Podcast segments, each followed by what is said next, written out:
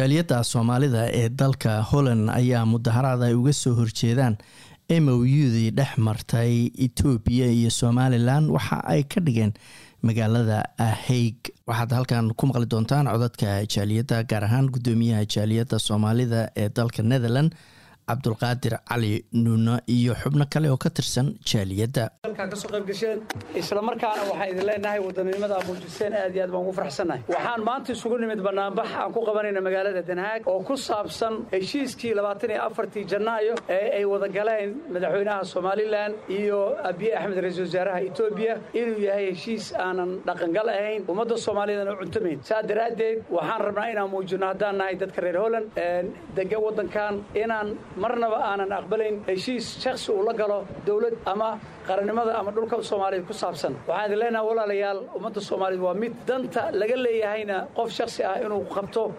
dantiisana ma ku suurtoobayso in ummadda soomaaliyeed baddeeda la hawaysto soomaali soomaali baa leh soomaaliya ha midoodo. Waxaan leenahay dhammaanti waa mahadsantihiin waxaanaan muujinaynaa oon hortaagana magaalada danaag maxkamaddii adduunka inaan marnaba aanan ogolaan inaan ka soo horjeedno. Biidnillah insha allah waxaan u sheegaynaa ummadda soomaaliyeed in dadka degan gobollada soomaalida waqooyiga somalilan iyagana inay ka soo horjeedaan arrintaas annagana aan ku taageerano waa mahadsantihiin asalaamu calaykum waraxmatullaahi wabarakaatu. Waad mahadsantihiin dadka halkan ka soo qayb galay bannaanbaxan maanta. Inta damiir kale ee dadnimada leh ee ay wadda soomaalinimadu mar haddaan iskugu nimidnay waa ilaahay mahadii wuxuuna waxa weeyaan in hadal badan iyo uma baahna. Laakiin in shucuurta la muujiyo oo shucuurtaada aad muujiso uunbaa muhiima. Waxa weeyaan waad og tihiin waxaan maanta iskugu nimidnay waxa weeyaan waa baddeenna iyo damaca etoobiya waxa weeyaan damaca etoobiya horta damac maanta yimiday maaha. Sagaal boqol oo sannadood ka hor buu yimiday. Wax badanna waa la ysku dayey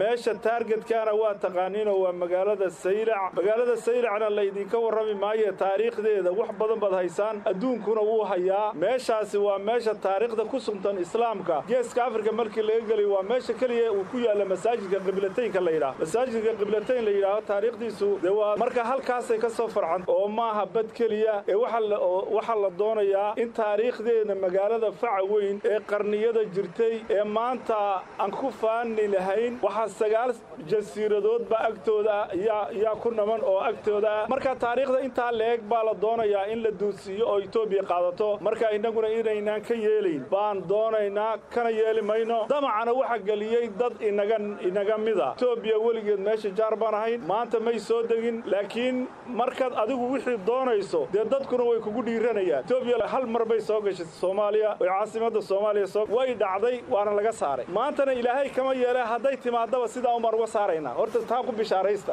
Hadday timaadaba ilaahay kama yeelaye laakiin waan ka saaraynaa markaas sidaa ogaada innaguna halkan taariikhda kaga jirno iyo islaamnimadeenna iyo waa la yaqaanaa. Laakiin maanta waxaan u baahannahay midnimo. Maanta kala daadsanaanteenna iyo sidaan nahay iyo dawlad goboleedyada iyo qaabka aan u naallo baa laynoogu soo hurtay. Midda kalena waxay tahay magaaladaasi magaalo cajiibay hayd waa la dayacay. Maanta saylac baa hadashay oo tidhi ha laysoo gaadho. Inay la gaadhayo oo sideedii ku soo noqonaysa baan biidnilah ilaahay ka rajaynaya waxaan aad iyo aad ugu faraxsanahay inaan maanta meesha joogo. Hal qof oo annaga naga mida intuu nool yahana badda soomaaliyeed iyo dhulka soomaaliyeed cagta saari maayaan etoobiyaan soomaaliya ha noolaato waxaan aad iyo aad u soo dhowayhayaa dhammaan inta timid ee ka dhabaysay go'aankooda inay tusiyaan inay yihiin dad wadaniyiina waxaan aad iyo aad ugu mahad celihayaa guddiga ifsan annagoo soomaali galbeed leh iyagoo tina adduunka oo u saxiixay dhulka mida soomaaliya inay maantana ay adduunkiyo maanta u jeedo ay soo hadal qaadaan. Aad wax looga yaqiiqsado waxaan ka yeelaynana ma aha wax qof soomaaliya oo dhiigya leh oo yeeli karana maaha. Waxaan u sheegaynaa abiy iyo dabadhilifyadiisa inayna taagnayn soomaali wakhtigii dhulkeedaa sheegaysa ay la hawaysan lahaa markuu leeyahay markuu leeyahay annaga xoog iyo xeeladaan ku keenaynaa. Meeshii nagala celiyey. Ay adduunka nooga hiliyeen waa la wada ogyaha taariikhda. Maantana intiiyaan ka sii fiicannahay mana qaadi karaan. Waxaan u hambalyayhayaa awdal state inay maanta u taagan yihiin dhulkooda inay difaacaan. Annagana garbahoodaan nahay. Adduunkaanna garab taagan turkigan iyo erdoganna waa u mahad celiyaynaa waxaan u mahad celiyayaa ijibti masaarida.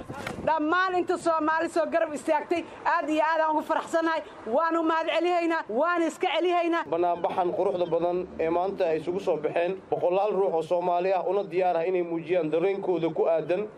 Damaca etoobiya ay ku doonayso inay ku xalaalaysato badda soomaaliya. Walaalayaal mudanayaal iyo marweyn waxaan maanta halkan ka caddaynaynaa haddii aan nahay bulshada soomaaliyeed ee ku dhaqan dalka holand inaan cod dheer ku diidannahay heshiiskii kowdii janaayo laba kun iyo afar ay ku kala saxdeen abiy axmed iyo muuse biixi magaalada adisababa abiy axmed wuxuu goob fagaara ah ka yidhi waa inaan helnaa bad oo aan ku helnaa xoog ama xeelad. Waxaan u sheegaynaa abiy intaa ka ka mid ah baddeenna inuusan xoog iyo xeelad mid midna ku qaadan karin. Abiy wuxuu adeegsan karaa shakhsi ama shakhsiyaad soomaali ah laakiin maanta soomaali meel kasta oo ay joogaan waqooyi iyo koonfur intuba way ka midaysayn in etoobiya aysan ku dhici karin inay dhulkeenna hawaysato annagu waxaan leennahay qaadashaha joogtee sidee ku dhacda in etoobiya ay ina hawaysato waxaan la soconnaa etoobiya damaceedu inuu yahay dowladdii soomaaliya maadaama ay cagta saartay waddadii ay kula soo laabanaysay haykalkii dowladnimada iyo meeqaamkii ay dunida ku lahayd in etoobiya ay doonayso in daqiiqadaha ugu dambeeya ay ka faa'iidaysato. Laakiin abiy axmed waxaan leenahay soomaaliya way soo jeedaa waxayna diyaar u tahay inay u dhimato dhulkeeda dowladda soomaaliya iyo madaxdeeda waxaan leenahay garabkiinna ayaan nahay.